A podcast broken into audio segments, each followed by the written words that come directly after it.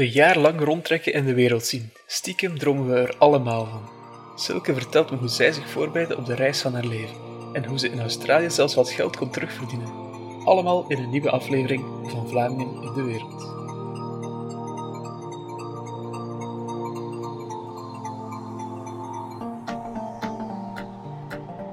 Dit is een podcast van Vlamingen in de Wereld.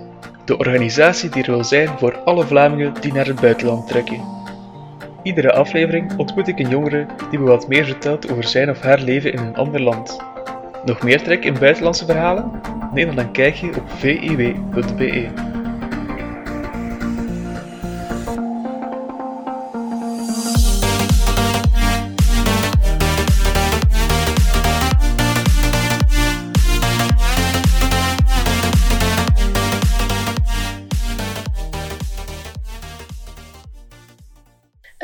ik ben dus Silke. Uh, momenteel woon ik in Leuven. Um, daar werk ik als trainer, als klimcoach eigenlijk. Um, ik heb van mijn hobby mijn beroep kunnen maken, wat dat, dat zeer leuk is. Uh, maar voor ik eigenlijk een beroep had, was ik afgestudeerd als LO en bewegingswetenschapper, dus uh, aan het sportkot van Leuven. En tijdens de laatste jaren dacht ik, oké, al dat school zitten, op banken zitten en zo, het is wel genoeg geweest. Dus nu ga ik de wereld intrekken. En vandaar dat ik uh, na mijn studies eigenlijk een jaar dan ben gaan reizen. En dan als ik teruggekomen ben, dan ben ik beginnen werken. Uh, heb ik mijn weg zo wat eerst moeten zoeken en dan gevonden. En ondertussen ben ik uh, ja, klimcoach. Dat is bijna voltijds dat ik dat kan doen. En dat is wel superleuk, want dat zijn zowel beginnende klimmers helpen eigenlijk met ja, de klimsport leren kennen, tot echt wel competitieklimmers die op nationaal niveau aan het klimmen zijn. Uh, soms zelfs internationaal, internationaal niveau. Dus dat is wel leuk. En dat beschrijft ook wie ik ben. Ik ben graag bezig met sport, maar vooral ook met mensen. En uh, voilà. Dat is het ongeveer. Oké. Hoe komt je op zo'n idee van ik ga een, wereldreis maken? Uh, ja, voornamelijk. Ik was aan het studeren. Ik ben sowieso graag aan het reizen. Ik, ik hou er wel van om nieuwe culturen te ontdekken. Uh, als ik 18 was, dan ben ik met mijn vriendin met zo uh, joker gaan reizen naar Cambodja en naar Thailand. En dan was dat wel echt zo van, oké, ja, dit is zalig. Je bent in een nieuw land, nieuwe dingen. Uh, dit hebben we nog nooit gezien. En dan op school met, met de universiteit, dan heb je daar niet echt tijd voor om verre reizen te maken. Wel korte reizen. En ik dacht, um, oké, ik wil de wereld zien. Ik heb thuis wel vrienden en ik heb wel dingen die me, die me thuis houden, maar Um, bijvoorbeeld, ja, mijn studies waren afgelopen. Ik was gestopt als leiding op de Giro. Um, dat was gedaan met mijn vriend. en ik dacht, ah wel, het is dat moment. Als ik nu ga beginnen werken, dan denk ik dat er nooit nog zo'n kans gaat zijn dat ik echt een jaar weg kan. En ik was dan beginnen folders lezen tijdens de examens, want ik verveelde mij een beetje. Dus ik was een foldertje beginnen lezen en ik had gezien dat er ook een optie was om een world tour samen te stellen. Dat ik dan ineens veel verschillende landen kon doen eigenlijk. En dan dacht ik, oké, ik ga dat plannen, ik ga met die mensen afspreken. En dan bleek dat ook haalbaar te zijn. Dus uh, ja, dan dacht ik, oké, dan gaan we op wereldreis. En zo is het ook gebeurd. ja, een spontane ingeving eigenlijk een beetje, of... Ja, eigenlijk wel. Um, nu, ik heb er wel even op moeten wachten, want ik had dat idee al in mijn eerste master. En dan heb ik wel ja, mijn tweede master afgemaakt, want het zou te zot zijn om dan niet meer af te maken. Dus uh, ik heb er wel even moeten op wachten, maar eens al het idee er was, echt wel niet meer losgelaten. Hoe begin je eraan om zo te plannen van ik ga een wereldreis maken? Ja, dat was het moeilijkste. Um, ik, ik, heb het wel bij een organisatie gedaan, dus ik ben niet zomaar in het wilde weg vertrokken. Um, ik vond het ook wel een meerwaarde om eigenlijk overal vrijwilligerswerk te doen. Ik had wel gelezen dat je ook zelfstandig vrijwilligerswerk kunt doen en zo. Um, maar dat is niet altijd gemakkelijk om te weten welke organisaties dat je dan terecht kunt, alleen ter plekke in de landen. En ik had die folder liggen van web. En ik was daar beginnen in kijken. En zelf, ik heb zelf eigenlijk heel veel gepuzzeld. Dus ik zag elk land van, oké, ja, hoeveel weken moet je hier zijn, minstens? Hoeveel weken moet je minstens daar zijn? Wat val, want je moet in één richting reizen, dus welke reizen wil ik ongeveer doen? Welke soorten vrijwilligerswerk zijn er? Um, dan heb ik eigenlijk eerst een, selectie gemaakt per land. Dus ik dacht, oké, naar welke landen wil ik gaan? En welke projecten zijn daar te vinden? Um, en dan ben ik ook gaan kijken, oké, welke zijn er wel echt supercoole projecten in landen waar ik nog niet had aan gedacht. En dan had ik eigenlijk, heb ik zelf een bundeltje gemaakt met alle projecten die ik dus graag wou doen. Dat waren er wel echt 15 of zo, wat dat dus redelijk onmogelijk is in een jaar. Um, maar dan ben ik daarmee eigenlijk naar web gestapt. En kijk, ik heb ongeveer een idee welk project ik ja, wil doen en welke, welke periodes en zo. En dan hebben zij eigenlijk de hele puzzel gemaakt en het uiteindelijke plan gemaakt. Um, maar ik had op voorhand wel echt al heel veel opgezocht van ja, wanneer ik waar wou zijn en wat dat mocht en in welke periodes dat, dat vrijwilligerswerk bijvoorbeeld kon en welke niet. Dat was wel... Ik heb daar heel veel tijd in gestoken in plaats van te studeren. okay. um, maar het was het waar. Hoe lang op voorhand ben je zo begonnen met plannen? Ik ben denk ik wel echt zeker een jaar op voorhand beginnen plannen. Ik denk zelfs vroeger. Um, ik ben meer dan een jaar op voorhand beginnen plannen. Ik denk dat het niet zo ver op voorhand had gemoeten, omdat web wel heel goed helpt. Um, maar het is wel handig, want er kunnen altijd dingen tussenkomen. Dus als er is een project of zo, je moet op voorhand echt wel dingen aanvragen om te zorgen dat je daar geraakt. Je moet je paspoort en zo in orde hebben. Dus ja, op twee maanden had het niet gelukt. Maar ik denk dat een jaar op voorhand beginnen plannen en nadenken wat er haalbaar is, dat dat wel een meerwaarde is. Mm maar ik denk dat ik zelfs meer dan een jaar op voorhand het idee had. En ik wist dan dat ik pas in oktober het jaar erna kon vertrekken. Dus had ik wel echt heel veel tijd. Dus ik denk echt een, een jaar en een paar maanden zelfs. Zijn er zo bepaalde dingen dat je echt lang op voorhand moet beginnen doen? Er zijn wel een paar dingen. Dus bijvoorbeeld, ik heb een, um, een travel visum gedaan uh, in uh, zo'n work, uh, work and travel um, in Australië. Uh, dat heet Working Work and Holiday of zoiets, denk ik, bij web. Uh, dus dan moet je wel redelijk op, op voorhand... Allee, daar moet je wel echt aanvragen voor doen, want ze geven dat niet zomaar aan iedereen. Dus daar moet je wel voldoende documenten voor invullen. Um, ja, ook voor de projecten zelf. Je moet voor web wel een motivatie schrijven. Dus je moet eigenlijk per project motiveren waarom dat je naar, naartoe wilt gaan en waarom dat je daar wel geschikt voor bent. Je moet dan ook gesprekken voeren met web, dus je moet wel over en weer gaan een paar keer. Um, en voor het project in Canada moest ik zelf sollicitatiegesprekken doen om te zien waar dat ze mij zouden plaatsen. Dus ja, als je daar niet snel genoeg mee bent, dan, dan heb je eigenlijk ook geen plek meer hinder. Dus dat, dan, dat was wel goed dat ik daarvoor ver op voorhand was. Um, mocht je geen reispaspoort meer hebben of zo, ja, dan moet je ook goed op voorhand aanvragen, want dan moeten ze dat nog maken. En ja, dat duurt soms wel even. Ja. Um, dus er zijn wel een paar dingen waar je niet best niet te lang mee wacht. Is dat ook zo? Moet je dan al visa's aanvragen? Ja, die ook. En sommige moeten wel in een bepaalde tijdsperiode aangevraagd worden. Dus zeker zoveel maanden of weken vooraf. Uh, maar daar helpt wel Pep wel e-, echt heel goed mee. Die hebben wel echt per land gezegd wat ik daarvoor in orde moest brengen. Uh, maar natuurlijk, hoe meer tijd op voorhand dat je dat doet, hoe meer tijd dat je hebt om dat allemaal in orde te krijgen. Uh, want voor Peru, denk ik, moest ik echt wel naar de, naar de ambassade. Dus dan moest ik wel langs Ginder passeren. Um, dus dat kun je niet zomaar, ah ja, klik ergens op het internet. Misschien is dat ondertussen al anders, maar toen moest ik wel, ik denk voor Peru, naar de, de ambassade. Dus, uh... Zijn er zo bepaalde landen dat je echt, echt wil bezoeken? Nu nog? Of toen? Nee, toen.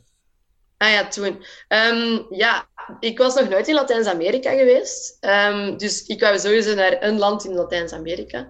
Um, ik wist dat Peru heel mooi was. Van, uh, mijn tante is ook een fervent reiziger. Uh, dus ik wist dat Peru heel mooi was. maar dus eigenlijk dacht ik, ja, sowieso ergens een land in, in Zuid-Afrika. en ja, ik heb eigenlijk in elk continent gezeten. dus dat was ook een beetje het doel. ik heb ook Zuid-Afrika gedaan. Uh, ik, had heel graag, ik wou heel graag een dierenproject in Afri Afrika doen. Dus ik had gezien dat dat een, mogelijk, een mogelijkheid was. Ik had het liefst in Zambia of zo gezeten, maar dat project ging dan niet door. Dus ik wist gewoon dat ik heel graag naar een land in Afrika, een land in Zuid-Amerika wou gaan. Nieuw-Zeeland had er moeten in zitten. Nepal of, um, stond ook hoog op mijn lijstje. En dan, ja, Canada ook eigenlijk. Canada ook dan dacht ik, oké, als ik dan toch uh, naar Canada ga, dan wil ik ook wel de, de westkust van Amerika eens passeren. dat is toch een typische, als ik daar dan toch ben. Um, ja, ik had wel ongeveer een plan in mijn hoofd. Ik, had, ik wist wel ja, en ja, natuurlijk niet in Europa. Ik dacht, Europa kan ik later nog doen. Uh, ik wou graag dan, als ik het deed, lang en ver weg. uh, en dan heb je zelf een, je reis samengesteld. Hè? Want je kan op web ook zo een, een voorgestelde route krijgen. Ja, je kan inderdaad een voorgestelde route van een bepaalde, bepaalde landen, maar ik heb wel echt een uh, individueel traject gekozen. Dus we hebben echt wel gepuzzeld um, om de dingen die ik graag wou doen, om ja, allemaal in elkaar te krijgen. Dus ik heb wel een, een persoonlijk traject gekregen. Allee, gekregen. Uh -huh. Ik heb daarvoor betaald ook. um, maar we hebben dat samengesteld, ja. Ja, hoeveel kost dat zo, zo'n World Tour? uh, dat kost echt... Uh, ja, het is wel niet te onderschatten. Uh, want als ik de prijzen bijvoorbeeld tegen vriendinnen of zo zei, dan viel je ook allemaal naar achterover van wow, dat is mega veel geld. Um, ik weet de prijzen eigenlijk niet meer exact. Um, want het hangt natuurlijk puur ook van de periode waarin je reist, de projecten waarin je reist. Dus ja, dat is voor elke wereldreis anders. Um, maar bijvoorbeeld, ja, de, de grootste kost in het begin um, is... Je vliegtuigticket was rond de 5000 euro. Maar dat was het vliegtuigticket voor een heel jaar voor alle bestemmingen. Ah, dus op zich, als je dat gaat berekenen, als je naar alle landen afzonderlijk zou op vakantie gaan, dan zou men dat echt het dubbele kosten, sowieso. Um, dus allez, zo heb ik vaak gerendeerd. Ik ben een jaar weg. Hoeveel zou ik opdoen op een jaar normaal gezien? En wat is de meerkost van, um, van die reis dan? En dan viel dat eigenlijk nog wel mee. Um, als je denkt van ja, ik moet, elke, ik moet elke maand huur betalen als ik alleen ga wonen. Ik moet ook eten kopen, ik moet dit en ik moet dat. Hoeveel zou dat kosten voor een jaar? En dan ben ik gaan kijken wat is de meerkost. En dan was dat inderdaad wel um, 2 of 3000 euro. Maar ik dacht ja, dat, dat is eigenlijk een kleine meerkost voor een heel jaar kunnen gaan reizen. Nu, dat is nog altijd veel geld, hè, want dan spreek je wel... Ik denk dat ik op voorhand rond de 16.000 euro heb betaald. Um, wat dat ja, natuurlijk heel veel geld. Ja, dat is wel iets. Um, maar het kan wel echt veel goedkoper. Ik was echt... Um, ja, ik was gewoon zo overtuigd van de vele landen en de vele projecten, dat dat mij wel heel duur heeft gemaakt. Het kan ook wel echt een stuk goedkoper. Uh, als je bijvoorbeeld ervoor kiest om een langere periode in één land te blijven, dan gaat je kostprijs ook wel echt gigantisch naar beneden. Want ja, dan ben je nog maar net vertrokken en dan ter plekke moet je natuurlijk ook nog wel... Uh, nu, het meeste van je overnachtingen en van je eten zit daar wel in. Uh, maar als je bijvoorbeeld extra activiteiten of als je extra wilt ja, uitgaan of, of extra eens gaan eten, ja, dat zit er natuurlijk niet in. Um, of de weken dat je eigenlijk tussen projecten zit en nog zelf ergens moet gaan slapen, dat zit er ook nog niet in. Um, maar het, het, is, het is duur. ik, als ik er nu aan terugdenk, dan denk ik, hoe heb ik dat ooit voor elkaar gekregen? um, maar ja, ik heb veel gespaard. Ik heb, ik heb ook een eetdag georganiseerd omdat een deel van het geld dat je eigenlijk aan web betaalt, gaat rechtstreeks ook naar de organisaties om hen draaiende te houden. Dus eigenlijk geeft je ook een deel van wat je betaalt als goed doel uh, voor de organisaties. Daarbovenop betaalt je ook je kosten en inwoon eigenlijk. Um, maar dus heb ik ervoor gezorgd dat ik het deel eigenlijk dat gewoon naar de organisaties ging, dat ik dat heb ingezameld zodat daar ook weer een kostprijs minder was. Ik wou niet dat mensen gewoon voor mijn reis zouden betalen, maar omdat ik wist ongeveer welk deel dat er ging naar de, naar de organisaties ter plekke, dus de, de, organisaties waar ik dan vrijwilligerswerk zou in doen, had ik ervoor gezorgd dat ik dat deel ongeveer had inge, ingezameld. Um, en dan veel sparen. ja. Ja, ik denk dat je wel veel moet sparen. Je kan niet zomaar op een dag beslissen ik ga het doen. Nee, nee.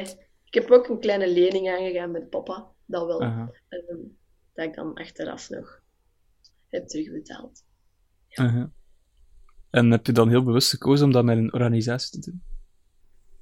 Uh, ja, bewust eigenlijk niet, want het was toevallig dat ik die folders tegenkwam. Uh, en dat ik het dan zo ben ingerold om, het, om zo te gaan reizen. Dus ja, heel bewust niet, maar ik ben er achteraf gezien wel blij mee. Ik denk, mocht ik nu opnieuw een wereldreis doen, dan zou ik het zonder organisatie doen. Maar zo zonder ervaring, uh, niet te weten waar dat je aan begint, was het wel echt een meerwaarde om dat met die organisatie te doen. Um, zonder die organisatie had ik nooit dezelfde projecten kunnen doen of had ik nooit op dezelfde manier zo goed in elkaar kunnen puzzelen, uh, die vluchten en alles. Um, dat was wel echt een meerwaarde. Ja. Ja. Doen. Dat is een aanrader. Ja, ja, ja, sowieso. Praktisch gezien, ja, want iedereen zegt, ja, je betaalt daar ook wel voor. Ja, tuurlijk betaalt je daarvoor om een organisatie te gaan. Dat is wel een meerprijs. Maar bedoel, de, de kwaliteit van allee, de service dat ik heb gekregen was ook wel echt evenredig. Dus ja, en wat, wat doen die dan zo allemaal om jou te helpen? Ja, dus ik had uh, al redelijk veel blijkbaar opgezocht van wat er allemaal mogelijk was. Um, maar ja, er zijn ook mensen die gewoon naar, naar de web bijvoorbeeld stappen en zeggen van oké, ik wil dan iets doen. Wat, wat zijn de opties? Dus dan leggen ze dat ook allemaal uit. Um, bij mij hebben ze echt, we hebben eerst, uh, je hebt een intakegesprek om te kijken of dat je wel, ja, dat dat wel gaat lukken om u naar die projecten te sturen. Dan heb je nog eens een gesprek, denk ik. Ik had ook eerst een um, een verkennend gesprek een beetje van ja, wat is dat nu web en hoe pakken we dat dan aan? Uh, heel veel gesprekken gewoon om u te ondersteunen in ja, welke projecten kies je, hoe kies je, op welke, waar, waar, moet je rekening mee houden? Bijvoorbeeld ja, een sociaal project ga je niet maar één week doen, want dan zit je bij die mensen en dan ja, één week is eigenlijk niet genoeg om, om interactie te hebben met de mensen daar. Uh, Zo'n dingen wist ik bijvoorbeeld niet, dus dat is heel nuttig dat mensen met ervaring kunnen zeggen van ja, kwestie van periodes waar je moet blijven. En dan komen de praktische zaken nog maar. Hè. Dus eens dat je dus eigenlijk bent goedgekeurd om te mogen gaan naar het vrijwilligerswerk, dan komen de praktische zaken van, oké, ehm, die leggen contact met elke organisatie. Van kijk, ik heb hier een vrijwilliger. Uh, de periode dat die wilt komen, is er nog plaats in jullie organisatie? Of zijn er al te veel vrijwilligers? Um, dat bijvoorbeeld. Uh, ook zien of dat het vrijwilligerswerk dat jaar doorgaat. Want er was één dat ik heel graag wou doen, dat dat jaar eigenlijk zijn deuren sloot. En ik weet niet meer helemaal juist hoe dat, dat zat. Maar dat ging dan niet. En ja, zo'n dingen zijn die wel... Allee, die hebben echte contacten opgezocht met alle instanties die hebben mij gewoon eigenlijk op een heel uitgebreid document gezegd van per land moet je dit in orde brengen. En de papieren die ik moest in orde brengen, die hadden ze er zelfs bijgevoegd. Dus je moet niet zelf overal alles gaan opzoeken. Ze, ze geven nu eigenlijk, ja, dit moet je in orde brengen. Um, je moet het dan zelf wel doen natuurlijk, dat kunnen ze niet voor u doen. Maar het uitzoeken wat allemaal nodig is en wat je zeker niet mag vergeten, is wel echt een meerwaarde. dat vond ik wel het handigste. En ook de vluchten dat is een van de grootste dingen, denk ik. Die hebben voor elk traject, elk onderdeeltje van heel mijn reis, de vluchten vastgelegd en uitgezocht. Wat dat echt, dat moet zo'n gigantische puzzel geweest zijn. Om mij overal op het juiste moment. Want bijvoorbeeld het ene project begint op maandag, maar het andere eindigt dan op zaterdag. Oké, dan moet je zorgen dat je de juiste dag een vlucht hebt. Um, oké, sommigen beginnen dan op woensdag en dan eindigt op zaterdag. Ja, oké, wanneer vertrekt je dan? Op maandag is er een goedkopere vlucht. Oké, dan vertrekt je op maandag. Dus die puzzel met de vluchten, dat, moet wel echt gigantisch geweest zijn. Plus, op het moment dat je vertrekt en je bent ter plaatse, zijn zij ook nog altijd contactpersoon. Natuurlijk probeer je rechtstreeks het meeste op te lossen. Maar mocht er iets zijn, heb je nog altijd een contactpersoon ter plaatse. Uh, als er noodsituaties zijn, heb je altijd iemand die je kan bereiken. Dus dat is ook nog wel um, belangrijk. Die hebben ook voor een verzekering gezorgd. Uh, voor een reisverzekering voor het hele jaar. Uh, want veel reisverzekeringen, ja, vanaf je een bepaalde periode weg bent, um, dekken die ook niet meer. Ja, ja. Um, dus daar hebben ze ook voor gezorgd dat daarvoor alles eigenlijk in orde was. Dat was optioneel en zo, maar dat is wel belangrijk dat ze dat ook vermelden. Dus ja, veel. 1. Het 1. Nieuw bericht. Het 1. Nieuw bericht. Eerste nieuw bericht. Eerste nieuw bericht. Hier in Seoul, of in Zuid-Korea in het algemeen, um, moet je eerst twee weken in heel strikte quarantaine zitten vooraleer dat je naar buiten mag. Um, en twee weken, dat is heel veel, zeker als het er echt strikt op wordt toegezien. Want als ik zeg strikt, dan meen ik dat ook wel. Als je in de luchthaven bent, moet je een app installeren die je trackt. um, en die je een melding geeft als je te ver van je locatie afgaat. En als je, er wordt ook ons continu ingepeperd van ja, als je... Ik denk dat het was van als je te veel overtreedt, dan krijg je een soort van uh, polsband of zo, die, die je extra trackt of weet ik veel wat. Um, en als je dan nog een keer meer overtreedt, dan krijgen ze boetes en, en celstraffen en deportatie. En het is wel zo... ze, ze, dreigen er heel fel mee. En, maar op zich, Zuid-Korea doet het ook supergoed. een van de dingen dat ik bijvoorbeeld wel ambetant vind hier, is dat er in veel toilets, in veel, te, veel toiletten, inclusief in onze Airbnb, dat je het wc-papier niet mag doorspoelen. Wij mogen geen toiletpapier in die wc's smijten hier, omdat de leidingen dat niet aan kunnen of zo. Of dat toiletpapier is daar niet voor gemaakt om, om snel te, degraderen. Dus je moet dat allemaal zo in een vuilnisbak doen. En je kunt raden dat dat wel best kan stinken na een tijdje. Zeker als je in quarantaine zit en je mocht die vuilnis ook niet buiten zetten. Ja, die vuilnis in quarantaine, dat was ook zo... Dat werd je echt zo aangeraden om... Um, om als je, als je voedselafval had, dan zeiden ze letterlijk van de overheid, oké, bewaar je voedselafval beter in de diepvries, want dan gaat dat minder stinken. En dan had ik ook zo um, handleidingen van zo andere uh, quarantaineplaatsen die de universiteit had doorgestuurd. Daar stond echt letterlijk in die handleiding of zo, als je voedselafval hebt, dan is het misschien een goed idee om het in kleine stukjes te doen en door te chassen in het wc. Dat is nog maar iets waar dat, denk ik, recent Korea een beetje aan het veranderen is. Want ik denk dat er zelfs een wet is die nog niet zo lang geleden is gesteld, dat, dat um, degenen die de toiletten beschikbaar stellen van zo, die openbaar zijn, dat die nu moeten maken dat die toiletpapier en wc-papier aan kunnen, omdat ze niet willen dat die toiletten stinken door, door die bakken wc-papier dat er gewoon staan. En dan uh, is het moment dat je mag vertrekken. Um, hoe ben je dan vertrokken uiteindelijk? Hoe ik vertrokken ben? Vrolijk. uh, ja, um, het inpakken was het spannendste.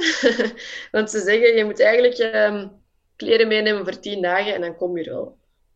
Dat is moeilijk. want ja, je bent wel een jaar weg. En ik had vooral ik had heel veel seizoenen. Dus ik had sommige plekken waarop het ja, heel warm ging zijn. En sommige plekken waar het op het wel heel koud op ging zijn. Um, ik had wel geluk dat ik natuurlijk nog thuis woonde, dus ik moest niks regelen voor mijn werk of voor, uh, alleen voor een huurhuis of zo. Daar moest ik allemaal niks voor regelen. Ik ben gewoon vertrokken met mijn rugzak en ik dacht, oké, we zien wel. En dan ben ik uh, ja, op het vliegtuig gestapt. En dan was het zo precies van, ah, eindelijk. Want ik was er al zo lang op aan het wachten. Um, ja, dan ben ik het vliegtuig opgestapt naar Zuid-Afrika. Het eerste land was dat dan. En dat was lang, uh, maar dat was zalig. Ja, dat was, uh, dat was heel tof. Ik weet nog goed dat ik in het vliegtuig zat en dat ik dacht van, amai, eindelijk. Ik had niet eens zo... Ik had geen stress of ik had geen van, oh, wat gaat er gebeuren? Ik dacht, ja, eindelijk ontdekken wat er, wat er komt. Dus dat, was, ja, ja. dat was een zalig gevoel, ja. Zeker als je daar al een jaar mee bezig werd. Ja, eindelijk. En welke landen heb je dan uiteindelijk allemaal bezocht? Dus ik ben gestart in Zuid-Afrika. Uh, daar ben ik zowel in Port Elizabeth geweest als uh, Kaapstad. En dan zijn we doorge... Allee, ik ben dan doorgevlogen naar Nepal. Uh, daar was een project in Pokhara. dan ben ik naar Bali gevlogen. Daar heb ik een project gedaan. en dan in Australië. In Australië heb ik redelijk lang gezeten met die working holiday. Um, dan heb ik Nieuw-Zeeland gedaan. Vond ik veel te kort. maar het was wel leuk. Uh, en dan ben ik doorgevlogen naar Peru. Uh, dan heb ik in Cusco gezeten. In Peru dus. Uh, en dan ben ik naar Florida gegaan voor een project. En dan naar de andere kant van, de Amerika gevlogen voor um, eigenlijk een vrije roadtrip door Californië. Dan had ik drie weken vakantie voor mezelf genomen. Um, en dan ben ik nog ook naar Canada geweest in Toronto. Allee, de buurt van Toronto. Um, die regio. En dan terug naar België. Uh, welk land denk je dat je zo het meest gaat bijblijven? Uh, ja, dat is een veelgestelde vraag. En dat is echt de moeilijkste vraag van allemaal, want dat is echt onmogelijk om te zeggen. Um, alle projecten waren ja, anders. Dus alles was zo anders. Je komt altijd in een hele andere groep mensen terecht. En ook, ja, de wereld is echt knap. Het was overal zo mooi. Ik veel um, wandelingen en, en ja, tours gedaan en zo. Ehm, dus echt een land dat mij het is bijgebleven, is echt super moeilijk. Ik moet wel zeggen dat ik van veel landen verschoten was. Alleen dat dat ik wel geschrokken was. Ik had niet echt veel verwachtingen in het begin. Ehm, maar ik vond Nepal, denk ik, vond ik, als ik dan iets moest zeggen, dan is Nepal was, was een heel nuttig project waar ik zat. Dat waren hele leuke mensen. Um, en dat was echt een hele toffe tijd. Alles was een toffe tijd, maar daar ging zo alles precies vanzelf. En um, dat was daar zo knap. Je zat daar eigenlijk elke dag aan een meer en dan de bergen in de achtergrond. En in het weekend kon je dan ergens een, een wandeling aan doen. En dan, ja, dan zat je precies in een andere wereld. En daar was zo'n totaalpakketje, daar was nooit iets misgelopen. Daar was altijd iets leuk te doen. Er waren leuke mensen. Um, maar ja, langs de andere kant, als je de, allee, de roadtrip doet in Californië, in de westkust van Amerika, met die parken, daar was ik ook wel echt van onder de indruk. Ik dacht altijd, Amerika, met hun uh, grootdoenerij, dat zal allemaal wel knap zijn, maar wel meevallen. Maar op het moment dat je daar bent, denk je wel, wow, deze is echt... Je rijdt een uur en je bent elke keer, elk uur dat je rijdt, bent je in een totaal andere wereld. Dat vond ik echt het zotste. Ja, dus dat is ook wel echt bij. Ja, dat vond ik echt zot. Als je daar zegt over Nepal, welk project was dat dat je aan het deed? Uh, in Nepal heb ik uh, het sociaal project gedaan.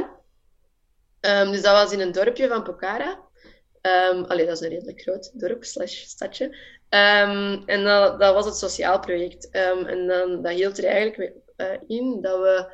In de ochtend stonden ik denk, om vijf of zes uur op. Omdat we dan, voordat school begon, naar het opvangcentrum gingen voor, voor jongens met een moeilijke thuissituatie of geen thuissituatie. Um, en dan gingen we daar eigenlijk helpen met hun huiswerk en zo. Um, en spelletjes spelen en nog iets knutselen. Of zorgen dat die gegeten hadden voordat ze vertrokken naar school. Um, en dan wandelden we terug naar ons eigen huis. En dan gingen we door naar een opvang voor kleuters. maar alleen eigenlijk een crash voor tweejarige kindjes. en daar ondersteunen we dan eigenlijk de lokale opvoedsters met zo het introduceren van tandenpoetsen en zo wat helpen met uh, bedjes opmaken en uh, zo van die dingen. Dus dan hebben we veel tanden gepoetst en geknutseld ook met die kleuters. Uh, dat was nog wel grappig. En als, als het tijd was voor die dutje, dan wandelden wij terug naar huis en dan hadden wij middageten. Um, en dan hadden we eigenlijk de, de namiddag een beetje vrij en dan deden we na de schooluren een huiswerkklasje. Dus kinderen die dan ja, niet echt thuis een opvang hadden of zo, die konden dan naar ons huiswerkklasje komen en dan probeerden we die een paar Engelse woorden te leren of ja, nog meer knutseldingen mee te maken. Uh, we zijn er ook een paar keer mee gaan voetballen en zo op het veld. We hebben eens een uh, hele opruimdag ge georganiseerd voor het voetbalveld op te ruimen. um, zodat we daarna op een proper veld konden voetballen. Uh, ja, dat was, dat was wel echt een... Dat vond ik een van de meest nuttige projecten, omdat um, als je, je werd daar als vrijwilliger wel nuttig, je werd daar nodig om de mensen te helpen. Maar dat was een hele goede partnerorganisatie met Web daar, die er eigenlijk voor zorgt dat je niet gewoon naar daar gaat en zegt van oké, wij gaan dat hier zo doen. Maar dat je eigenlijk de mensen die al een project hadden opgestart, ging helpen bij hun project. En dat vond ik nuttiger dan sommige andere projecten, daar je gewoon eigenlijk bij staat om bij te staan. En ja, dat voelde goed aan. ja, het is altijd beter als je zo voelt dat je echt een impact hebt, denk ik. Ja, ja. En ook dat het niet overbodig is, of dat je niet gaat zeggen van, ah ja, je moet het nu op onze manier doen. Ehm, dat we eigenlijk gewoon gingen helpen in de manier wat dat zij deden, maar dan het gewoon gemakkelijker gingen maken voor hen. Ehm, dat was wel leuk. Had je daarnaast ook zo wat tijd om het land zelf te zien? In sommige landen wel, in sommige landen iets minder. Uh, maar ik heb wel ervoor gezorgd dat ik bijna in elk land wel een paar dagen uh, vrij had om, om een beetje rond te rijden. Nu, je kunt niet heel het land zien. Um, als je gewoon bijvoorbeeld een roadtrip gaat doen en je gaat gewoon rondtrekken in Azië, gaat je veel meer gezien hebben dan wat ik gezien heb van sommige stukken. Maar um, het vrijwilligerswerk, afhankelijk van het project, um, je hebt altijd wel één of twee vrije dagen, waarin dat je wel echt ja, een, een weekendje kunt, gelijk een citytrip of zo, kunt plannen. Dus bijvoorbeeld in Kaapstad heb ik wel elk weekend bijna gewoon een weekend weg geweest naar een ander stuk van Zuid-Afrika. Maar wel allemaal, ja, dat moet wel in de buurt zijn natuurlijk van Kaapstad. Dus je kunt niet zomaar zeggen, ah ja, nu ga ik ineens naar Johannesburg en ik kom dan terug. dat is, dat is moeilijk natuurlijk. Maar ik heb wel heel veel weekendjes zo de buurt van rondom het project. Dus ehm, heb ik dan heel Zuid-Afrika gezien? Zeker niet. Maar heb ik heel veel rond Kaapstad gezien? Ja, veel. Dus dat was wel heel leuk. Is het misschien ook andere dingen dan zo de typische toeristische trekpleisters dan? Ehm, ja, ik denk dat we heel veel toeristische dingen wel gezien hebben. Maar je hebt natuurlijk ook wel mensen ehm, die samenwerken met de organisatie ter plaatse en die dan u wel meenemen naar, ja, naar toffe dingen waar dat minder toeristen komen. Eh, of die, waar je zelf bijvoorbeeld nooit zou aan gedacht hebben.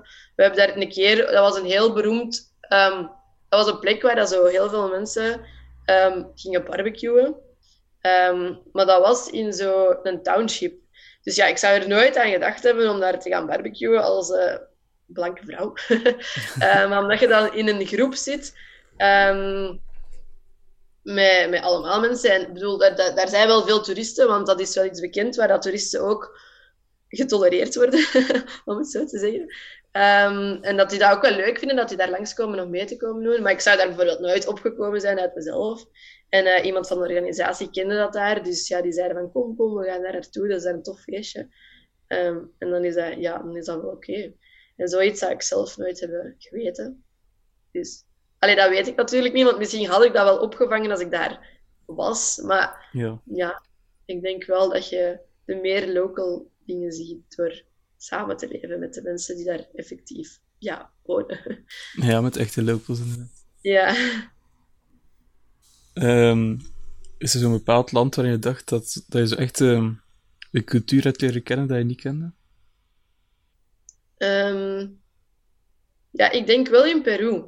Want van Peru had ik wel echt een heel ander beeld. Maar daar sliep ik ook in een, in een gastgezin. Dus dan heb je wel meer door hoe dat de mensen leven, want je zit effectief in die leven. En daar had ik, allee, daar hebben we echt wel. Ja, Cusco heeft me wel verbaasd, want ik had van Peru een heel ander beeld. Ehm, maar Cusco was eigenlijk ja, gewoon een beetje Leuven, maar dan op een berg op 3000 meter hoog. Oké. Ehm, ja, dat was, dat was gek. eh, ja. Dat was eh, een, een heel ander idee dat ik daarvan had als ik naar Ginder ging. Ehm, omdat als je zo over Peru leert, dan zie je heel veel die kleurrijke figuren die rondlopen met lama's. Nu, die zijn er ook allemaal, maar dat is duidelijk hun traditie. En die, die loop, de, de mensen in eh, traditionele klederen, die lopen daar ook wel rond eh, om gewoon op de markt of zo te staan. Maar je hebt ook wel de jeugd die, die veel meer ook al verwesterd is. En ja, als je denkt dat je in Leuven veel uitgaat als je student bent, dan moet je naar Cusco gaan. Het is daar elke nacht, gewoon precies donderdagavond. Ehm, wat dat ik niet had verwacht van Peru. Ja. Ehm, dus ja, zo'n dingen was ik wel een beetje van geschrokken. Is dat dan echt een cultuur die ik heb ontdekt? Misschien niet, maar dat is wel het leven dat ze daar leven. Dus ja, vond ik wel interessant. En op zich ook, ja, ja, in Bali bijvoorbeeld hebben we een hele week. Dus voordat je daar aan je project begint, heb je een inlevingsweek om eigenlijk de cultuur van het land te leren kennen. Dus daar hebben we heel veel culturele dingen gedaan. We hebben daar wandelingen gemaakt voor de omgeving te verkennen. We hebben daar traditionele, ehm, ja, hoe heet het dan nu weer? Dat was we hebben zo pakjes gemaakt met, met, met bamboe en van alle kleuren en bloemen en zo. Dat is hun traditioneel eten hebben we gemaakt en zo. Dus allee, in Bali hebben we ook wel echt een hele toffe inlevingsweek gehad. En ja, ik moet wel zeggen dat ik denk ik in elk land een beetje, allee, een beetje, dat ik veel meer van hun cultuur heb gele- geleerd door er gewoon te leven. Als je op, ik, ik merk ook wel, als je bijvoorbeeld op reis bent, gelijk in Californië, dan, dan waren we aan het roadtrippen, dan beleeft je het land heel, heel anders dan dat je op dezelfde plaats blijft voor drie of vier weken. Dan, dan bent je daar. En dan, ja, dan weet je hoe dat de mensen leven, want je leeft er zelf in. ja, je praat veel meer met mensen die daar wonen, denk ik. Ja, ja, zeker als je zo in een gastgezin of zo ehm, terechtkomt, dat is wel... Of mensen van, van daar, dat dan de organisatie helpen, ehm, ja, die leven daar, dus die kunnen nu Mhm. veel beter zeggen hoe het daar is dan iemand anders. Ja. Was dat vaker dat je zo in een gastgezin zat? Ehm, ik denk één keer in Peru zat ik echt in een gezin. In Nepal was het ook een gastgezin dat eigenlijk alle vrijwilligers opving. Dus dat was eigenlijk een soort van hostel, maar dan dat werd gerund door locals. Dus allee, dat, waren die mensen, dat was die mensen in huis, dat dan gewoon toevallig een heel erg groot huis was. Ah. Ehm, ja, dus daar woonden wel alle vrijwilligers samen, maar dan binnen het huis van dat gezin. Ehm, en dan, ja, een gastgezin, dat is zo, dat is zo dubbel. Ehm, ik woonde vaker eigenlijk samen in een huis met alle vrijwilligers, waar dat bijvoorbeeld iemand bij woonde van Ginder, dan dat we echt in een gastgezin zaten. In Peru zat ik echt in een gastgezin. En in Nepal was het ook een gezin waar dat dan mensen, de vrijwilligers, bij kwamen wonen. Ehm, maar vaker was het zo een huis waar dat er iemand van de organisatie of van de locals woonde, waar dat jij dan ook in kan wonen met de groep vrijwilligers. Ja, oké. Ja. Maar niet echt zo hotels of... Nee, dat niet. Ehm, ik heb alleen maar in hostels of in motels of, of zo gezeten op de momenten dat ik zelf aan het reizen was. Of in, in eh, Australië, de Working Holiday. Ja, daar, ehm, daar moet je ook zelf zorgen voor je overnachtingen. Want je hebt gewoon, eigenlijk geven ze je gewoon het visum om daar te mogen werken en, en reizen. En dan moet je het zelf uitzoeken. Eh, maar in de projecten met echt vrijwilligerswerk, dan zit je ofwel in een volunteerhouse ofwel in zo'n gastgezin, maar niet echt in een hotel of zo. Nu, ja, soms komt het er wel op neer. Soms heb ik ze- zelf eten moeten maken, soms zat het eten erbij in. Ehm, of er werd er samen, er werd, het meeste werd er eigenlijk samengekookt eh door de vrijwilligers. Had je een strak schema waar je aan moest houden voor zo van plaats naar plaats te gaan? Ja, ik had wel een redelijk strak schema. Ehm, en ook je vluchten, die staan vast. Dus je moet wel zorgen dat je op het moment dat je vlucht er is, dat je daar staat. Anders heb je een probleem. Ehm, je kon wel je vluchten aanpassen. Ehm, maar ja, als het dan, als je, kunt niet zeggen van, ah ja, ja, dat kon op zich wel, maar dat zou niet zo sympathiek zijn om te zeggen, ah ja, het volgende project ga ik niet doen. Ik ga nu hier langer blijven. In principe kan dat, maar dat is wel echt niet de bedoeling. Eh, wat heb ik wel een keer gedaan? Ik ben wel in Peru, denk ik, een week vroeger vertrokken. Omdat het, mijn gezondheid was niet zo goed. Eh Cusco is een super toffe stad, eh, maar het is daar heel vervuild, want je zit daar heel hoog. De lucht is heel ijl. Het is heel moeilijk om daar al... Je hebt een beetje ja, constant hoogteziekte. Ehm, en ook, daar rijden zoveel auto's, zoveel oude auto's, dat de lucht gewoon echt vervuild is. En ik had last van ademhalingsproblemen een beetje. En dan heb ik eigenlijk gevraagd of ik daar een week vroeger mocht vertrekken. Eh, dus dan heb ik mijn vlucht ook wel een week eh, vervroegd. Maar, dus je kunt wel een beetje schuiven, maar ja, niet te veel. En ook, ik had maar een paar keren, denk ik, dat je dat kosteloos kon doen. Of ja, kosteloos om het te veranderen, maar mocht je ander vliegtuigticket dan meer kosten, ja, moest je wel de meerprijs betalen natuurlijk. Ehm, maar op zich is het schema wel redelijk strak. Allee, zeker voor mij, want ja, ik had, ik had heel strak aan elkaar geplande projecten. dus eh, ik kon niet echt heel veel verwisselen. Had ik bijvoorbeeld tussen Zuid-Afrika en Nepal drie weken tussen en ik had dan gezegd van ah, ik wil eigenlijk al sneller naar, Nepal, had ik waarschijnlijk wel die vlucht gemakkelijker kunnen verzetten. Maar ja, ik had project gedaan, oké, vlucht, volgend project. Eh, project gedaan, eh, vlucht, volgend project. Dus Ja. Ja. ja, het zat redelijk vol. En ben je overal op tijd geraakt? Eh, ja. ja, ik ben zelf bijna. Eén keer, één keer heb ik een vlucht gemist. Allee, ik was maar net op tijd, want een taxi die ik had genomen naar, naar de luchthaven, die had dan platte band. En ja, dan zat ik daar en ja, dan geraakte ik niet op de luchthaven. Maar dat was eigenlijk niet zo erg, want dat was een binnenlandse vlucht in Zuid-Afrika. En als ik daar aankwam, dan zeiden ze... Ah, maar je vlucht is overboekt, dus je kunt er eigenlijk toch niet op. Eh, dus eh, ja, je moet even een paar uur wachten, dan is er een volgende. Nou, dus dan heb ik even moeten wachten. En dan, ja, dan ben ik, heb ik de volgende vlucht gepakt. Dus eh, dat viel wel mee. Het was erger geweest als ik de vlucht, denk ik, naar Peru had gemist van, van Australië. Dat was een groter probleem geweest. Maar zo'n binnenlandse vlucht, dat was oké. Maar dat is eigenlijk de enige keer buiten als ik naar huis kwam. Dus als ik naar eh, België kwam, ik had die niet gemist. Maar die, die vlucht was, die was afgeschaft of die had vertraging als ik naar huis kwam. En dat was wel een probleem. Ehm, maar dat is uiteindelijk ook goed gekomen.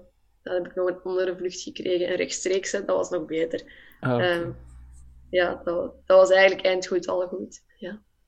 Dat was een kortere en een rechtstreekse in plaats van overstappen. Zo was Ideaal. het. Ja. Maar ik ben zelf verbazendwekkend genoeg overal op tijd geraakt. Goed gedaan. Ja, ja. Is het altijd met vliegtuig dat je gereisd bent dan? Eh, ja, dat vond, dat- alleen nu achteraf bekeken zijn er echt heel veel vliegtuigen geweest.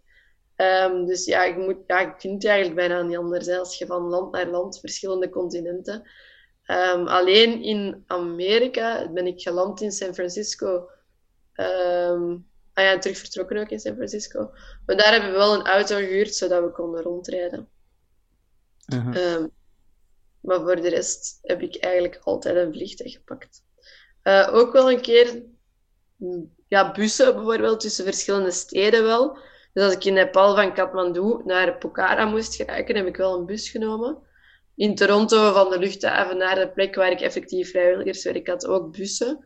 Maar ja, dat zijn maar shuttles tussen de luchthaven waar je aankomt dus, en het project zelf. Dus ja, ik had ook wel heb ik, amai, heb ik gevlogen tussen Kathmandu en Pokhara? Ik denk een stuk wel. Ik weet het al niet meer. Een stuk. Een schandaal, ik weet het al niet meer. Ik denk het wel eigenlijk, want ik heb Everest gezien op de luchthaven. Ah ja, dat waarschijnlijk wel. Ja, ik denk het wel. Ofwel was als ik aankwam. Ik weet het niet meer. Oké, ja, maar dus eh, veel vliegen. Veel vliegen, jammer genoeg. Eh, ja. En dan af en toe wat bussen tussendoor natuurlijk. Eh, wat treinen om overal te geraken in het land zelf, maar niet tussen de landen. Enkel tussen Bolivie en Peru. Want ehm, je hebt het Titicaca-meer, dat zo op de grens ligt van Peru en Bolivie. Dan ben ik wel gaan bezoeken aan de Boliviaanse kant. Dus ja, om dan van Peru naar Bolivia te gaan, is dat wel een bus. Ja, ja. Maar dat is, ja, dat is net de grens over. ja. Niet super ver. Nee. Wat is zo je minst aangename ervaring dat je hebt meegemaakt? Eh, de minst aangename zijn er weinig hoor. Ehm, ik ben, ja, bijvoorbeeld in, in Zuid-Afrika, eh, dan hadden ze mij bij een leerkracht gezet, waar ik dus ging helpen in de klas. Eh, en dat was echt geen aangename vrouw. Eh, ik weet niet goed waarom dat die nog mensen aanneemt ehm, om te komen helpen in haar klas. Want die wou eigenlijk mij gewoon gebruiken om de afwas te doen en de klas te kuisen. En ik dacht, Ja. ja, maar daar ben ik niet voor gekomen. En ja, dat was echt geen sympathieke vrouw. Die heeft echt wel zo wat rare dingen gedaan. Ehm, dus ja, dat was niet super, eh, super tof. maar ja, ik heb dan gewoon geda- gedacht van, oké, die vrouw is misschien niet super sympathiek, maar die zal het ook wel niet heel gemakkelijk hebben. Ik ga mij gewoon focussen op die kindjes. En dan heb ik gewoon altijd gevraagd van, ja, mag ik een groepje mee naar buiten nemen? eh, om wat oefeningen mee te doen of zo. Eh, en dan ging dat ook wel. Ehm, in Australië heb ik wel een moment gehad dat ik zo ja, mijn budget moest beginnen denken. En dan wordt het wel moeilijk, eh, want dan kiest je al eens voor het minder goede hostel. Wat niet altijd een goed idee is. Dus er is wel eens een hostel geweest dat mij een beetje in het zak heeft gezet. Ehm, terwijl als ik dan gewoon naar een 2 dollar duurder hostel was geweest, was dat een super chic hostel. Ehm, dus ja, dat was niet zo slim. Ehm, ja, en die working holiday heb ik ook niet zo heel goed aangepakt. Maar dat is mijn persoonlijke schuld. Ja. Dus mocht ik dat ander, allee, anders aanpakken, ehm, dan zou ik het nu wel anders doen. Ehm, en voor de rest, ja, ik ben iets in Peru, heeft dus iemand, dat was niet handig, die heeft eh, ja, alles eigenlijk gestolen dat ik mee van, eh, van zo'n portemonnee dat ik mee had. Nu, je zorgt altijd dat je niet veel mee hebt. Hè. Ehm, maar ja, mijn sleutel van dat gastgezin zat daarin. Mijn gsm zat daarin. eh, en mijn rijbewijs zat daarin. Dus dat was wel even, ja, gejost. ja. Want ja, ik moest in een huis binnen geraken. Ik was daar net een week. Dat was echt niet aangenaam om dan te moeten gaan zeggen: Ik ben uw huissleutel kwijt. Dat was echt niet leuk. Je gsm, dat is ook uw bron van informatie. Ik had geen computer mee, dus alles dat ik moest doen in de toekomst stond daarop. En ik heb dat nog eens voor gehad, vlak voordat ik naar Canada moest. Dus in Amerika hadden ze ook mijn gsm gestolen. En mijn vliegtuigticket, mijn treinticket, mijn busticket, dat staat er allemaal op je gsm. Oh, nee. Je hebt dat niet meer afgedrukt. Dat, dat was mijn laatste stop. Dus ik dacht, ja, alles staat al heel een tijd op mijn gsm. Ik heb die papieren versies al heel een tijd niet nodig. En dan juist die laatste keer, vlak voor je vertrekt, dan stelen ze je gsm en dan ben je echt...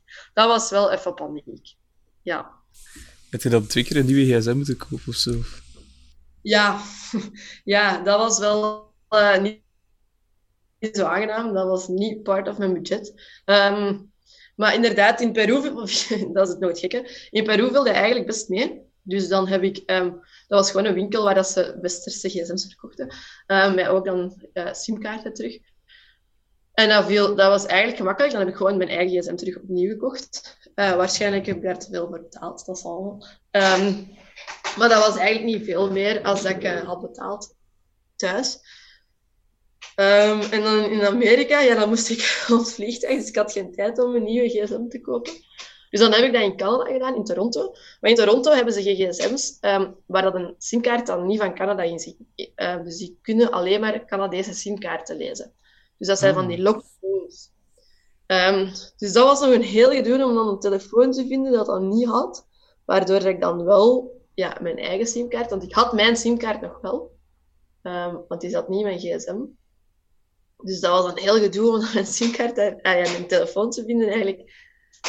En dan heb ik dat ergens in een, in een winkel gekocht. Echt een winkel, alsof dat je hier naar de telenetwinkel zou gaan. En dan hebben ze mij daar zo'n telefoon verkocht, want ze hadden dat wel.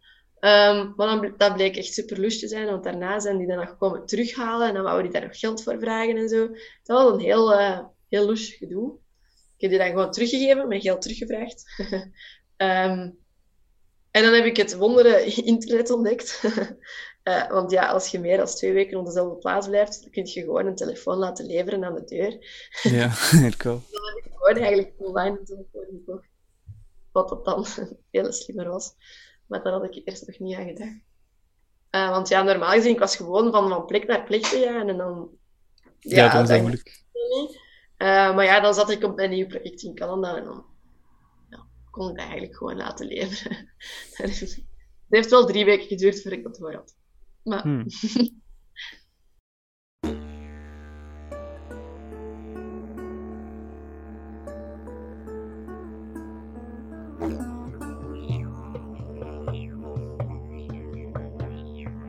Op haar wereldreis deed Silke ook een working holiday in Australië, het land van kangaroos en didgeridoos.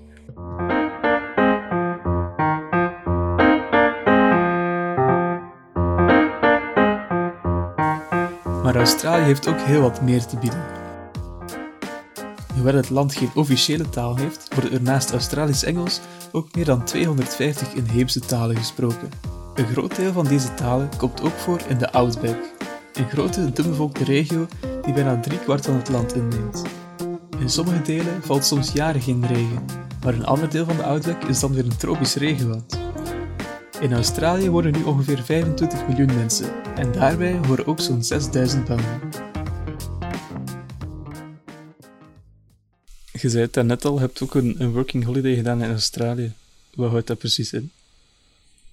Ja, dus je working holiday, dat is een soort van uh, speciaal visum voor, voor jongeren. Uh, ik denk tot 30 jaar kun je dat aanvragen. Um, dat je kunt gaan ja, rondreizen in, in Australië, want je hebt sowieso een visum om naar Australië te mogen. Uh, maar dan kun je ook werken. en dat is een beetje zoals studentenjobs bij, um, in Leuven. Dus je kunt daar dan gaan werken, maar dat is dan een voordeliger tarief. Onlangs hebben ze dat wel aangepast allemaal, dat dat tarief iets minder voordelig zou zijn als toen ik geweest ben. Um, maar je kunt dus, eigenlijk moet je weinig tot geen belastingen, ik denk nu weinig en toen geen, belastingen betalen op hetgeen dat je daar dan verdient. Um, en sommige, ja, bijvoorbeeld, heel veel mensen doen dat om in boerderij te gaan werken of zo, waar dat, dat is handenarbeid, maar dat ze goed betalen. En dat je dus ook niet veel eigenlijk belasting moet opbetalen. Dat is een beetje zoals een studentenjob hier. Ja, je moet daar niks van afgeven. Dus dat is wel tof als je kunt gaan rondreizen, een stukje gaan werken, uh, met dat geld een stuk verder, verder kunt reizen, uh, op je nieuwe plek terug gaan werken, met dat geld een stuk verder reizen. Dat is eigenlijk het doel van dat, van dat visum. Dat je gaat dat je gaat werken. Met dat geld kun je een stuk verder reizen. Zo, zo bieden ze het eigenlijk aan. Dat je het land kunt komen ontdekken, maar dat dat voor iedereen haalbaar is, voor jongeren, dus die, niet, die een gigantisch budget hebben, dat dat haalbaar is door te werken en te reizen op hetzelfde visum. Um, Wat dan maakt dat het ontdekken van Australië haalbaar zou zijn. Mhm. En welk werk heb je dan gedaan daar? Ja, ik ben daar terechtgekomen in een of andere ehm, sales division.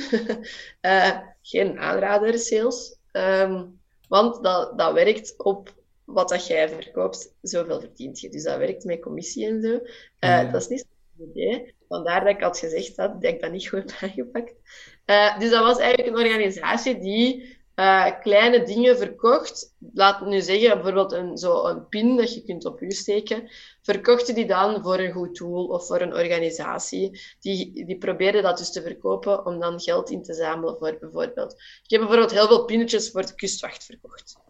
Uh, Mhm. Maar wat houdt het dan in? Je gaat echt letterlijk aan een winkelcentrum zitten met je standje en je probeert die pinnetjes te verkopen. Of natuurlijk pakketten met pinnen of met andere dingen, zodat je meer geld kunt binnenhalen. Ehm, en dan afhankelijk van hoeveel dat je verkoopt, komt je in een bepaalde schijf te zitten en dat is dan je loon. Maar ik was daar echt vreselijk slecht in. dus ik heb daar eigenlijk niet zo heel veel verdiend. Uh, dus ja, dat was niet de beste keuze. Want je hebt dan ook mensen die daar gaan werken en die dan bijvoorbeeld twee maanden op een boerderij gaan uh, werken en bij wijze heel hun reis hebben terugbetaald gekregen. Uh, of die nog iets... Allee, je hebt echt heel... Of in een, in een bar gaan werken, super tof, hè, in een bar. Uh, gewoon achter de bar gaan staan. Uh, ook heel veel die dat hebben gedaan. Maar voor de een of andere reden dacht ik, nee, dat ga ik niet doen. Ik ga iets anders doen. Maar als ik er nu terug aan Ja. denk... Dat, Je hebt bewust gekozen om in de sales te gaan. Ik heb daar niet bewust voor gekozen. Nee, uh, het probleem was, uh, dat heb ik al onderschat, dus ik had dat maar voor drie maanden. Ik was drie maanden en een half in, uh, in, in Australië. En ik dacht, oké, okay, dat is echt veel tijd. Uh, ik heb drie maanden en een half, ik ga eerst reizen en dan ga ik gaan werken. Maar ja, dus op het moment dat je aan het reizen bent, ben je niet aan het zoeken naar een job. Dan ben je aan het genieten en aan het reizen. En op het moment dat je denkt, oké, okay, nu is het het moment om te beginnen werken, ja, moet je nog beginnen zoeken. En natuurlijk, het zoeken naar werk, dat klinkt alsof dat ze in Australië heel veel werk hebben. Voor al die mensen dat die working holiday doen. Maar dat is dus niet waar. En heel veel van die mensen uh, willen ook niet, want ze, bieden, ze, leggen dat wel zo'n beetje uit van, ja, je gaat dan twee weken werken en dan twee weken reizen. Maar heel veel ja, mensen die iemand willen aannemen, twee weken is heel kort voor die mensen. Als jij maar twee weken daar gaat werken, ja, dat is maar een hele korte periode. Dus ja, de meeste mensen vroegen om toch wel minstens een maand ergens te werken. En ik had zelfs geen maand meer. Of nog wel net een maand. Maar, um, dus dat was, uh, ja, dat was een beetje het probleem. Ze zoeken eigenlijk overal mensen die wel een maand of twee maanden of soms zelfs zes maanden willen komen werken. En je hebt dan tussendoor wel tijd om nog wat rond te reizen en zo. Um, maar dat was een beetje het probleem.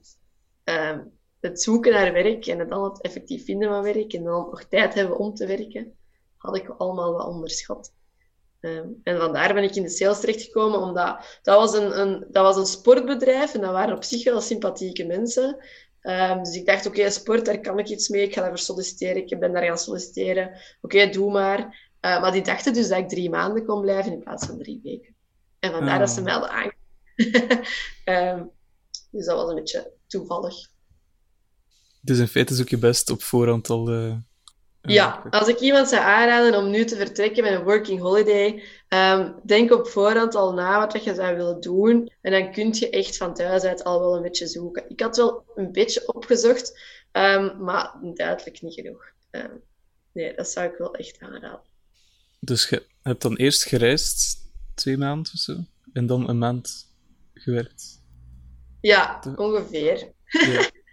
ja, daar komt het eigenlijk op neer. Ja, ik had... Um, dus via web had ik zo wel een traject geboekt met Ultimate OS. Dat is een, dat is een organisatie ter plekke die eigenlijk u helpt bij het zoeken naar werk en u helpt een bankrekening open met een gsm-nummer krijgen en zo. Allemaal dingen die wel nuttig zijn en die je nodig hebt ook, om in orde te zijn om naar te mogen werken. En die ook zo activiteiten doen. Um, en die ook eigenlijk reizen aanbieden. Um, of, of u sturen naar, naar organisaties die reizen. En dan heb je daar een organisatie die zo met een busje met twaalf mensen heel de oostkust afrijdt. Dus het toeristische deel van Australië, van Sydney of van nog Melbourne en zo helemaal tot aan Cairns. Um, die rijden met een busje en dat is een hop-on, hop-off systeem, waarbij dat je dus in dat busje zit tot het volgende stop. En dan kun je kiezen, wil je daar dan blijven, dan blijf je daar een tijd. Of wil je terug mee met het traject, dan stap je terug op dat busje en rijd je verder. Dus je koopt een bepaald traject en je doet daar zo lang over als je wilt. Um, je kunt bijvoorbeeld zeggen, ja, ik, doe, ik stap mee uit, ik doe mee de activiteit en dan stap ik mee terug op en ik ga terug verder. Of je kunt bijvoorbeeld zeggen, in Brisbane wil ik, uh, wil ik gewoon stoppen en ik wil hier vier weken in Brisbane komen werken. En dan na die vier weken stap ik terug op dat busje en dan ga ik verder oostelijk.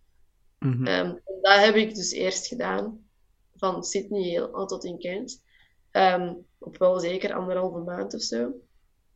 En dan heb ik terug naar Melbourne gevlogen. En dan ben ik een tijd in Melbourne gebleven. Om dan te werken. En ja. ook nog waar. nou, een beetje toch? Ja, toch wel. ja. Ja, het voordeel van zo dat te doen is denk ik dat je, dat je niet veel moet missen door je werk. Nee, ja, sowieso. Het is, het is, het is wel zo. Hè. Dus ook al heb ik niet superveel gewerkt, ik heb wel degelijk een, een, een deel verdiend. En dat is wel heel nuttig op het moment dat je zoveel aan het reizen bent, dat er ook wel eens iets in het laadje komt en er niet alleen maar uitgaat.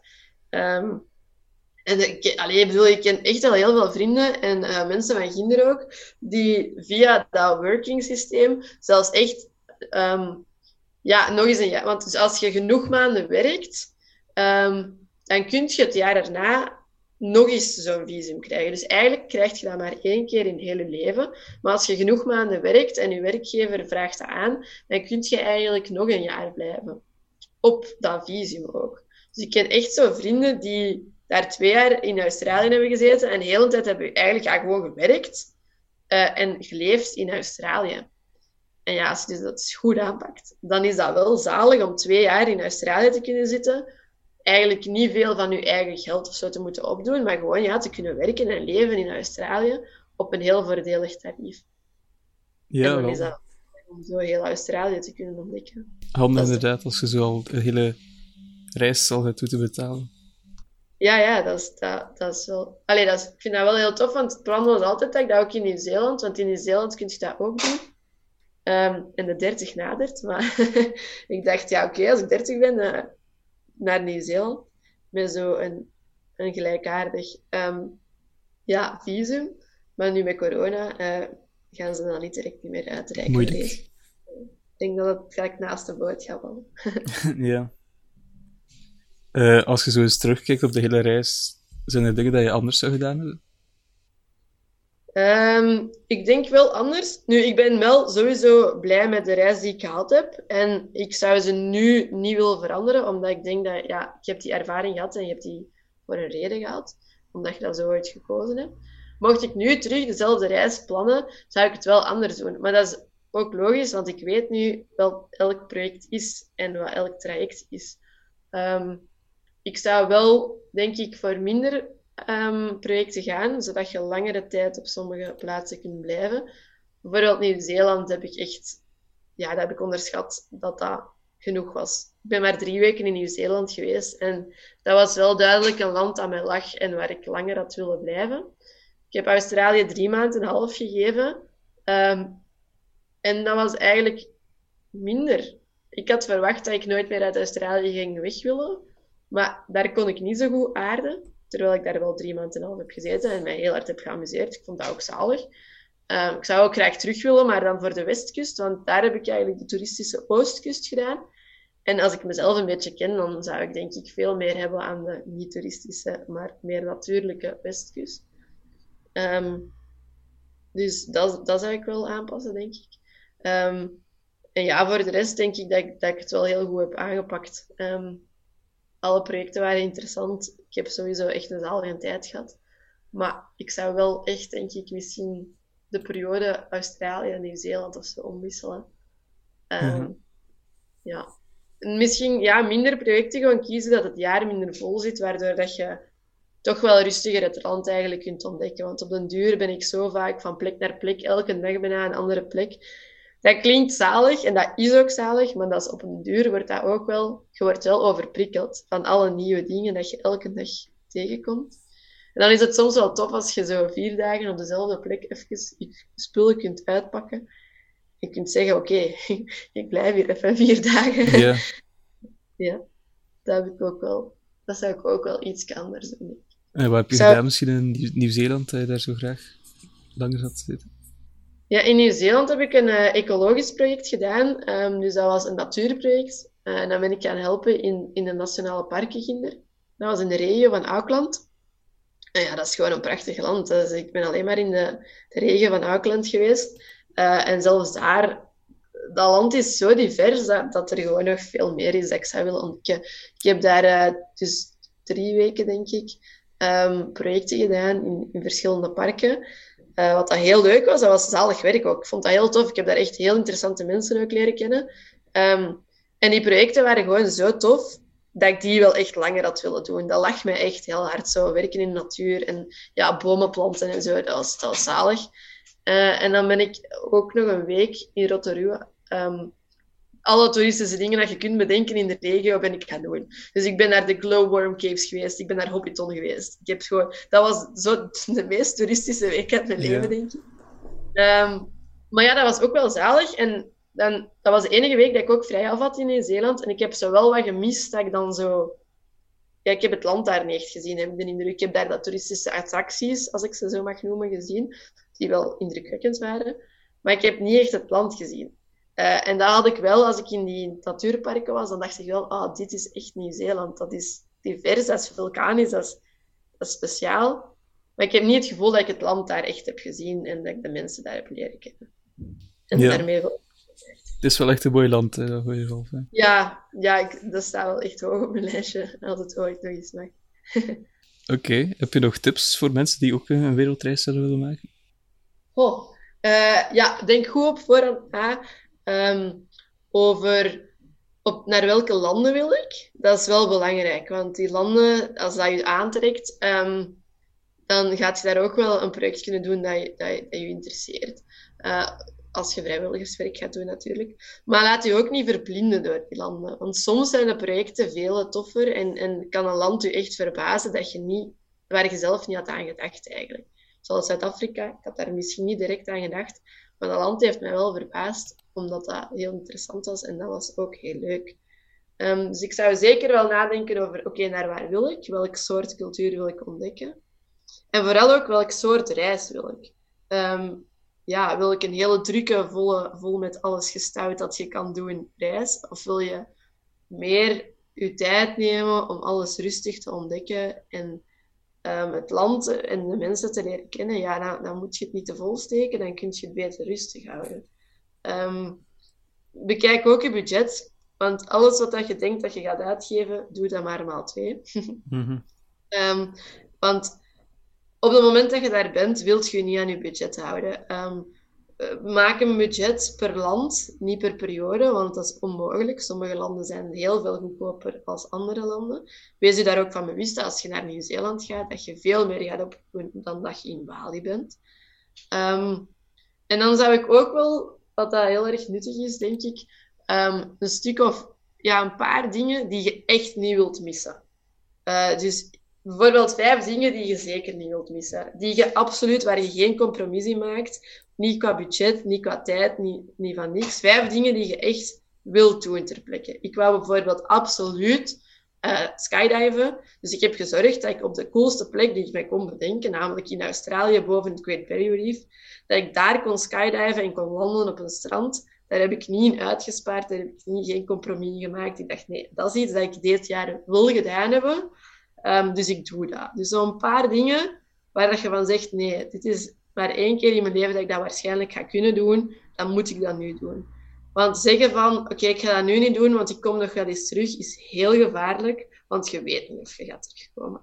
Maar om die dingen te kunnen doen, moet je dat wel inplannen in je budget, want je wilt niet daar zijn en moeten zeggen, ik kan dit niet doen, want ik heb het geld niet. Dus ehm, op voorhand sparen en, en beslissingen maken is wel belangrijk. Ja, dat is wel een goede tip. Oké. Ja, nee, ik vind het zalig dat ik er zo nog eens kan over praten, want het is al wel even geleden ondertussen voor mij. Ehm, maar ja, ik ga het nooit beu denk ik.